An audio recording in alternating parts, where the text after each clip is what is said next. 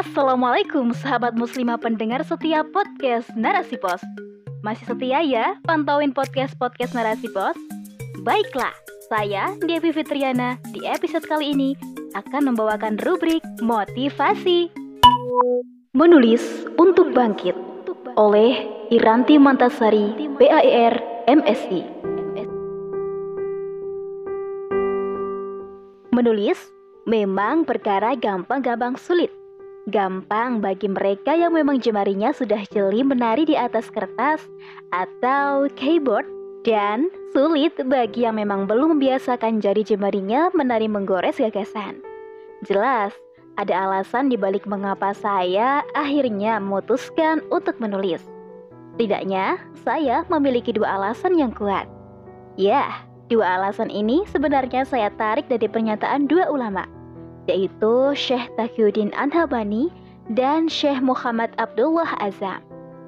Syekh Taqiyuddin An-Nabhani mengatakan dalam kitab beliau Nizamul Islam, agar manusia mampu bangkit harus ada perubahan mendasar dan menyeluruh terhadap pemikiran manusia dewasa ini, untuk kemudian diganti dengan pemikiran lain.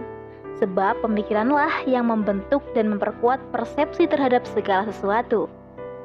Sedangkan Syekh Muhammad Abdullah Azam mengatakan, peradaban Islam tegak dengan dua warna, merah dan hitam, merah darah para syuhada dan hitam tinta para ulama. Ya, dari dua pernyataan tersebut, saya rasa sudah cukup kuat untuk menjadi alasan bagi setiap yang menginginkan kebangkitan Islam untuk menulis. Menumpahkan gagasan pikiran mereka pada sederet paragraf untuk ditransfer pada pembacanya. Sahabat, Kebangkitan itu memang sangat tergantung pada pemikiran seseorang.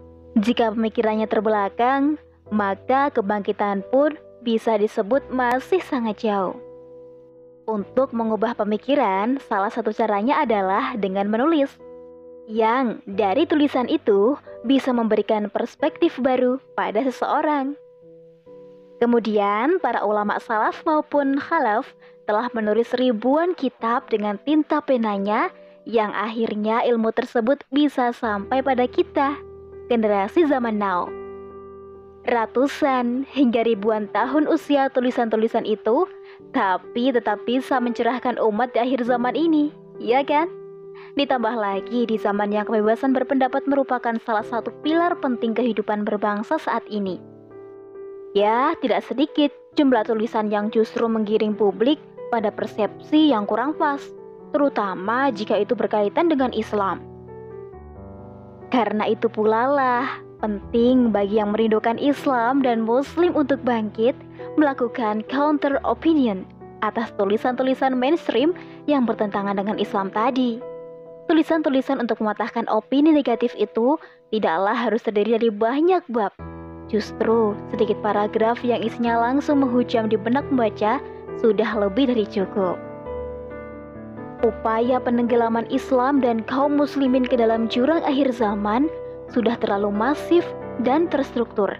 Mereka mungkin tidak tidur siang dan malam demi memikirkan strategi jitu untuk menggiring kita masuk ke dalam jebakan mereka. Karena memang begitu sunatullahnya. Ketika ada sesuatu yang akan bangkit, maka pihak penentangnya tak akan mungkin diam dan membiarkan itu terjadi. Sahabat, Menulis untuk menyampaikan buah pikiran kita memang memerlukan proses yang tidak sebentar.